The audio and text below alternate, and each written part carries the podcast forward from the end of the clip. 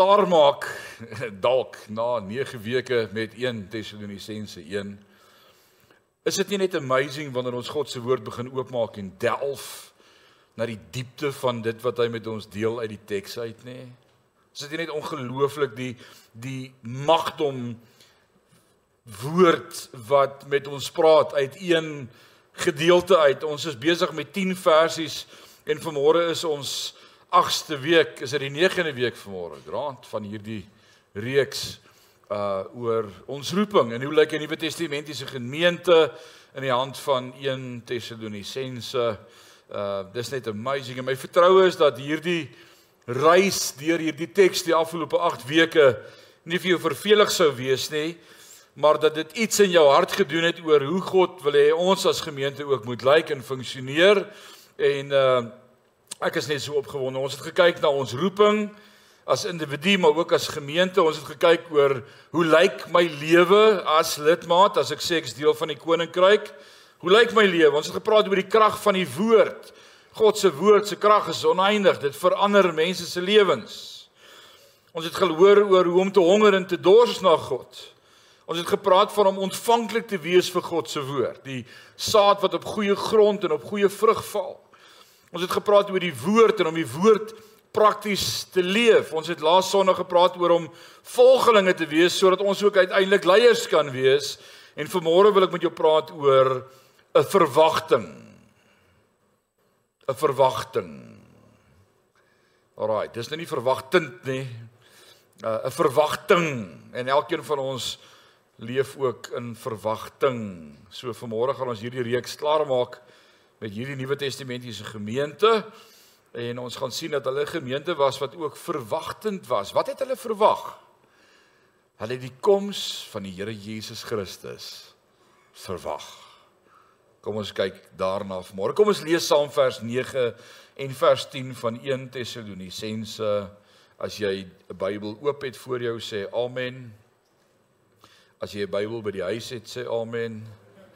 Alraai, die wat nie het nie, kom praat met my asseblief na diens, maar lees jou Bybel. En watter Bybelvertaling is nou die beste een om te lees? Die een wat jy lees. Lees hom net. Lees net die woord. Hy sal met jou praat. Vers 9 en vers 10. Want die mense praat self oor hoe positief julle ons ontvang het. En hoe julle van die afgode af weggedraai het na God toe om die lewende en ware God te dien en om sy seun uit die hemel te verwag.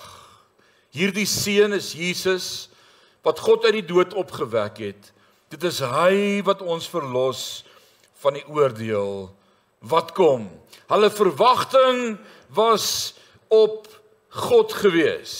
Hulle was 'n groep wat 'n verwagting gehad het. Nou, as ons mooi kyk na die brief 1 Tessalonisense, sal jy opmerk dat in elke hoofstuk van hierdie 5 hoofstukkies Paulus melding maak van die verwagting op die koms van Jesus Christus. Hierdie is 'n nuwe gemeente. Hulle is jonk bekeerd. Party so jonk as 'n paar maande deel van die kerk van die Here Jesus Christus en een van die belangrike goed wat Paulus in elke hoofstuk van hierdie brief met hulle praat en kommunikeer is die verwagting op die koms van Jesus Christus moet nooit dat die verwagting op die koms van Jesus Christus uit jou en my lewe verdwyn nie. Ook as gemeente, as Sion gemeente, moet ons konstant mekaar herinner die koms van ons koning is voor die deur. Dan sê jy ja, maar 2000 jaar terug het Paulus dit al gesê en het hy gesê van julle sal nie sal nog in die lewe wees wanneer Jesus terugkom. Wel dink jy vir een oomblik Vandag kyk Paulus oor die balkonne van die hemel af na die aarde en sê ek wens daarom toe ek op aarde was het ek nie so die hele tyd gewag vir die koms van Jesus nie. Ek wens ek kan teruggaan en net weer 'n bietjie lekker lewe en my lewe geniet ook nou dat ek weet wat ek nou weet. Dink jy vir een oomblik dis die gevoel by een van die heiliges wat ons vooruit gegaan het? Nooit.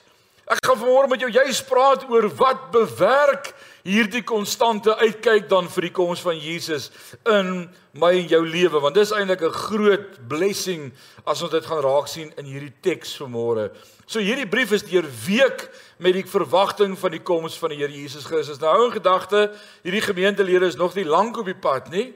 Hulle is nog jonk op die pad en ek dink baie keer spandeer ons te veel tyd om ander dinge vir jong bekeerlinge te leer as wat ons eers vir hulle leer. Onthou net een ding, Jesus is op pad. Die woord van die Here sê groet mekaar dan met hierdie woorde. Dankie Leon, Maranatha wat wat beteken?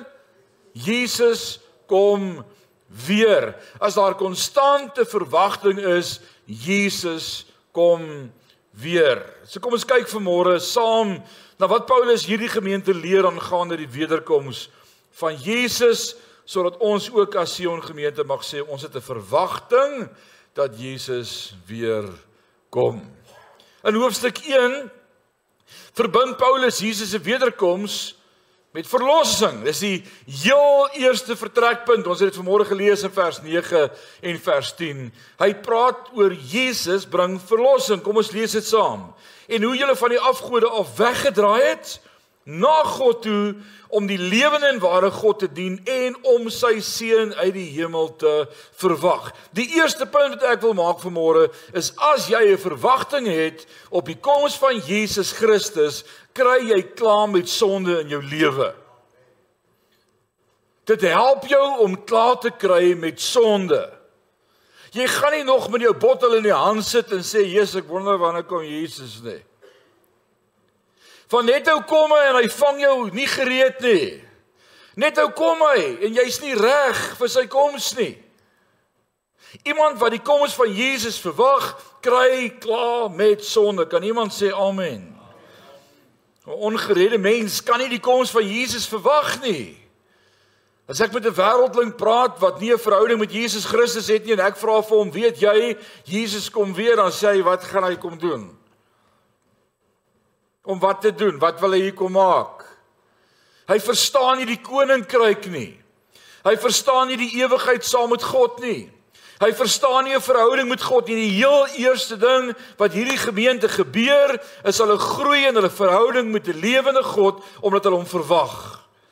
Daar was wedergeboorte geweest. Die wederkoms van Jesus beteken niks vir ongeredde persone nie. So in hoofstuk 1 sien ons verlossing, wedergeboorte en 'n verwagting op die koms van Jesus. Nou ons as kerk noem dit die wegraping, die wederkoms. Ons noem dit die wegraping, want Jesus kom nie terug en hy gaan vir altyd net hier op aarde saam met ons wees nie. Die woord leer my, hy kom om sy bruid te kom haal sodat ons by hom kan wees waar hy is. En dan sê die woord en saam met hom sal ons dan later kom om te kom regeer as konings en priesters vir 1000 jaar op aarde. Ons is op pad hemel toe. Die bruidegom kom die bruid eers haal en dan is daar 'n bruilofsfees in die hemel. Gaan lees Matteus 22, daar die eerste 12 verse verduidelik dit so mooi vir ons die fees wat die koning vir sy seun voorberei. In hoofstuk 2 van Tessalonisense kom die woord en hy praat met ons en die gedagte daar is die wederkoms van Jesus bring diensbaarheid by my en by jou. Kom ons lees dit saam. Vers 19 en vers 20. Immers as ons met Jesus ons Here se terugkeer voor hom moet staan, wie sal ons vooruitsig of blydskap of erekrans wees as dit nie julle is nie. Julle is mos ons eer en ons blydskap. Mense wat die koms van Jesus verwag, sit nie met wit rokke op die berg en wag vir sy koms nie. Met alle liefde en respek. Deur hierdie afgelope 2000 jaar is daar al soveel verhale wat vertel kan word van groepe mense wat sporaries deur die Gees aangemoedig is. Ek weet nie watter gees nie om te gaan sit en wag vir die koms van Jesus. Daar is soveel datums al vir ons gegee, daai dag gaan Jesus kom. Nou kom ek help net vir jou. Die Bybel sê, die uur van die koms van die seun weet nie eers die seun nie. Die engele weet nie. Niemand weet behalwe God die Vader nie. So as hy vir Jesus nie eers vertel nie, ek belowe vir jou, hy gaan nie vir jou vertel nie. Alraai. As daar een was wat hy sou vertel, dan sê Jesus, hy sê nie eens ek ken die uur en die dag behalwe my Vader wat my gaan stuur nie. Niemand ken die uur en die dag nie. So as iemand sê hier of hierdie datum of hierdie tyd, die woord sê die laaste dae sal baie sê, hier is die koning, hier is hy, hy's hier. Hy sê as jy hierdie goed hoor, gaan jy in jou binnekamer maak die deur toe en dan begin jy bid. Dan kry jy jou saak reg met die Here want hy gaan nie hier en hier en hier en hier wees nie. Hy kom vir mense wat 'n persoonlike verhouding met hom het. Nee, hy kom wel vir mense wat besig is met sy werk. Paulus sê as ek daar kom, my blydskap om julle ook daar te sien. Met ander woorde, iemand wat die koms van Jesus verwag, is besig om ook ander te vertel van Jesus en sy koms. Paulus was 'n sielewenner by uitstek. Hy het elke geleentheid gebruik om mense te leer van die evangelie. Hy was 'n tentmaker, hy het 'n job gehad vir 'n inkomste. Hy het tente aan mekaar gewewe. En ek imagine hoe hy besig om 'n tent te maak en hy het vir hom 'n plekkie daar reggemaak. Hy's in 'n vertrek gewees. Handelinge leer dit vir ons so mooi. Hy's besig om 'n tent te maak en dan en dan leer hy hierdie groep ouens om hy hy hou huiskerk. Hy het 'n selgroep. Hy het 'n paar ouens genooi vir koffie en dan terwyl hy besig is om daai tent te mekaar te werk want dis môre se inkomste, leer hy van die evangelie. Hy leer die hele nag lank preek hy vir hulle. En dan wat gebeur daai aand Lukas? Kan jy onthou die ou wat in die vensterbank gesit het? Hy raak aan die slaap. Dit sal jou nou leer om in die kerk te slaap. Hierdie ou sit in die kerk en slaap. Hy sit so in die vensterbank, lekker homself tuis gemaak daar. En toe Paulus so lekker praat, toe voete ry by die venster uit. Hy val omors dood. Breek sy nek. Hulle sê vir Paulus, "Wow, een van ons broers het nou hier uitgeval. Hy's dood." Hy sê hy gaan nie wegkom voor hy die hele boodskap gehoor het nie. Bring hom terug. Bid hom lewendig. Sê vir hom, "Nou sit jy stil en jy let op in die klas." Kyk, as daar een ou was wat nou die res van die aand wakker was, was dit daai ou. Sê, "Yes, like, amper gaan ek sonder die hele boodskap." Imagine dit. Daar's die tyd vir wegkom, nie eers die dood gaan jou hier wegkry nie. Jy gaan hoor wat ek te sê het totdat jy die volle waarheid gehoor het. Dis nou die attitude wat ek en jy moet hê om met die wêreld te praat oor Christus en die koninkryk. Paulus was 'n sielewenner gewees. By die wederkoms en die verbinding aan die evangelisasie om siele vir Jesus te wen. Wanneer ek en jy ook eendag daar gaan kom En ek glo ons gaan, kan jy sê amen? Oh, Daar's daar 'n paar wat glo gaan hemel toe. Gaan daar enige persoon wees? Dis nog 'n vraag, ek het vanmôre lank hieroor gedink. Gaan daar enige persoon wees wat na my toe gekom en sê, "Rinus, dankie dat jy die evangelie met my gedeel het.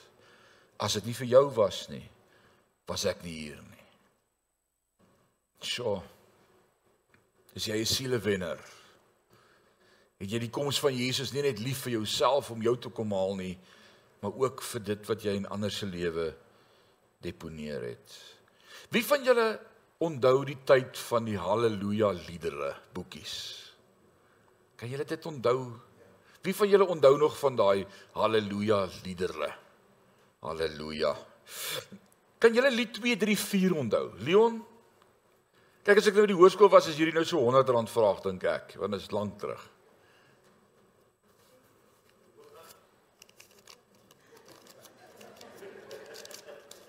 OK, dis 130 rand vraag.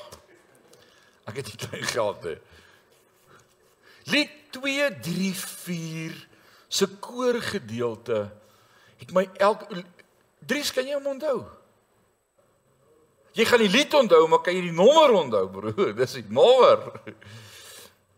Die 2 3 4 se koorgedeelte sê moet ek gaan met leë hande. Ah ja, nou nou kom sal ek so my Heer ontmoet. Nie een siel gelei na Jesus, niks te offer aan sy voet. Yes, like. Dis 'n vraag, hè? Sal ek so gaan? Ons sê almal ek wil ek wil Ek wil huis toe gaan. Ek wil by Jesus wees. Wat 'n voorreg om by hom te wees. Paulus sê dis vir my verre weg die beste om by hom te wees want as ek hier uitleef, leef ek in by hom en man, dis net amazing. Ons het twee twee persone op hierdie oomblik daar in najaarsrus wat al twee vir my sê ons wil huis toe gaan om by God te wees. Dan die Joyce van Caster op het so 3 weke gelede haar broer verloor aan die dood. En vandat haar broer dood is, sê sy ek wil ook by die Here wees. Ek wil nie meer hier wees nie. Ek wil huis toe gaan. Ek wil huis toe gaan.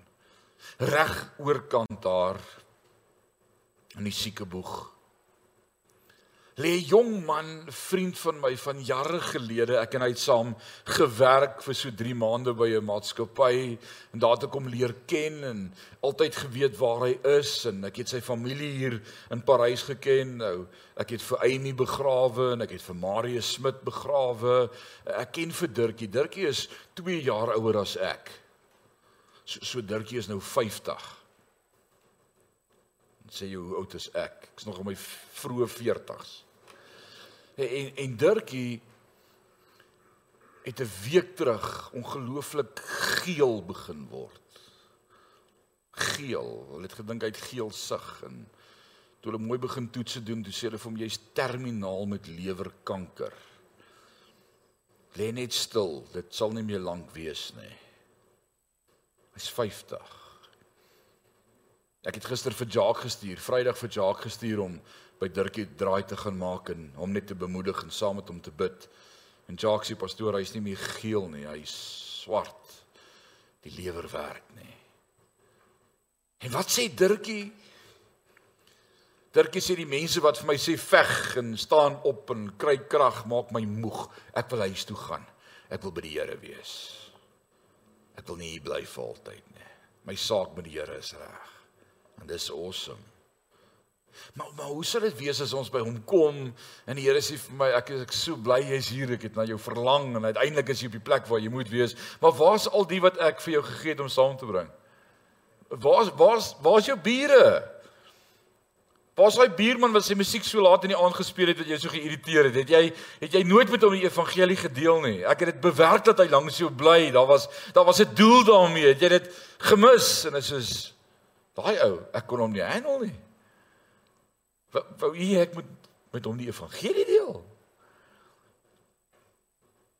Ek trou volgende Saterdag 'n 'n jong man, 'n rugby speler. Man. 'n Friseën hier van Parys af. Ek wil nou nie hom op die spot sit en sê wie hy is nie. Maar die week toe doen ek met hulle voorhuwelikse berading, is die laaste sessie voor ek hulle trou en met trane in sy oë wat oor sy gesig loop, sê daai fris jong man vir my: "Pastoor, die Here is my lewe. Ek is uitverkoop aan die Here. Ek kan nie meer die dinge doen wat ek gedoen het toe ek in die wêreld was nie. God is my lewe. Maar hoe deel ek die Here met die res van my span spelers?" Want meeste van hulle is ateëste en laster en gebruik die naam van Here uitelik en raak dronk en hoe en wat sê ek vir hulle? En ek kyk vir hom en ek sê jy sê niks. Jou lewe moet vir hulle wys.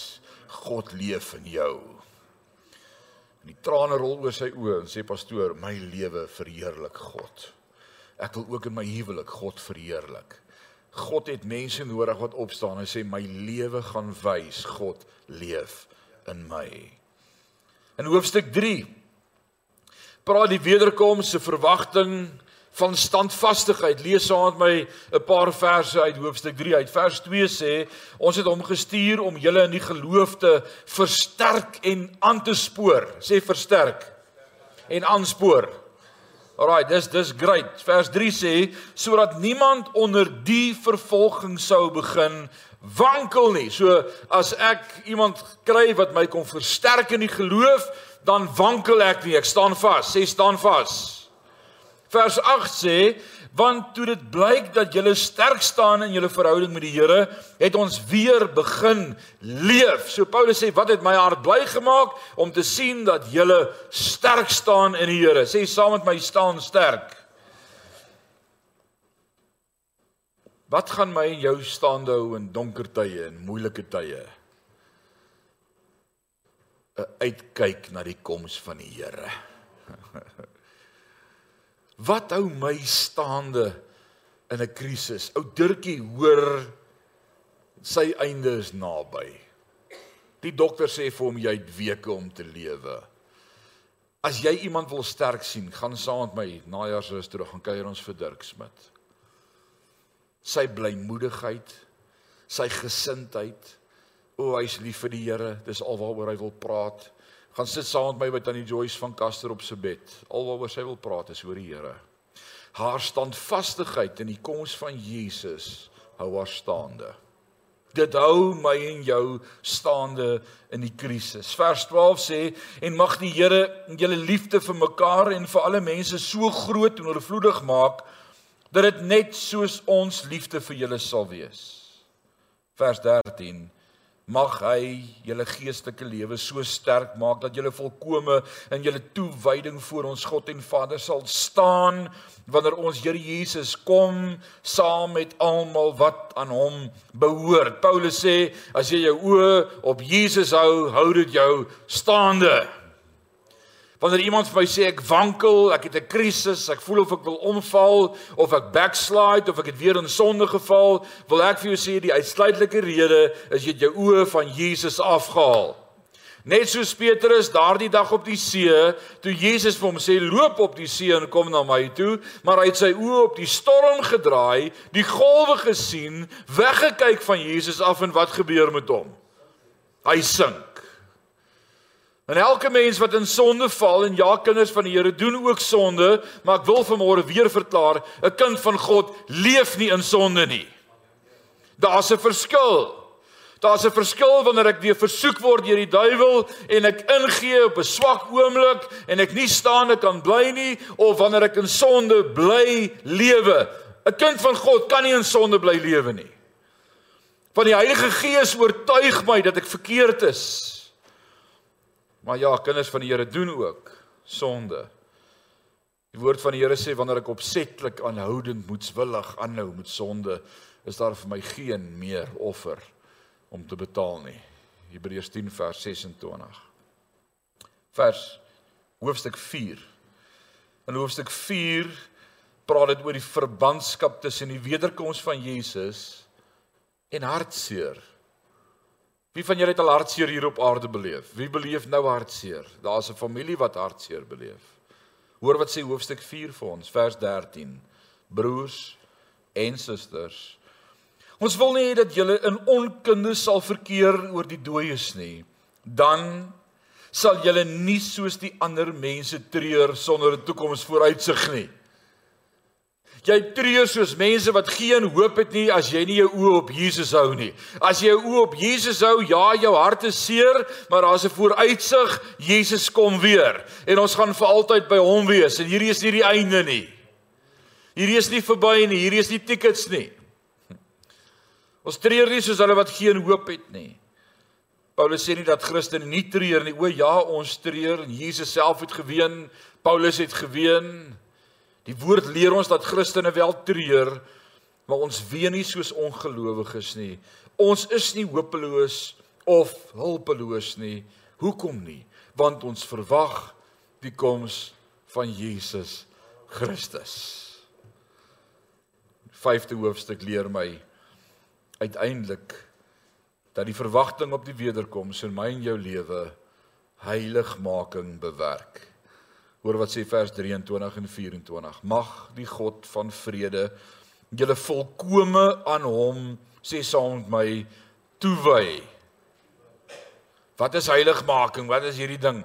'n Toegewydheid aan God. 'n Lewe van toewyding. Dis wat dit is. Ja, mag God julle so bewaar dat julle na gees, siel en liggaam volkome vlekkeloos sal wees wanneer ons Here Jesus Christus terugkom. Is dit moontlik om volkome vlekkeloos te wees volgens gees, siel en liggaam? Paulus bid dit vir hierdie gemeente in Tessalonika. Hy sê ek bid dit vir julle. Hy wat julle roep is getrou, hy sal dit doen. My uitkyk en verwagting op die koms van Jesus Christus maak dat ek na myself kyk en sê is tyd dat ek klaar kry met hierdie goed in my lewe.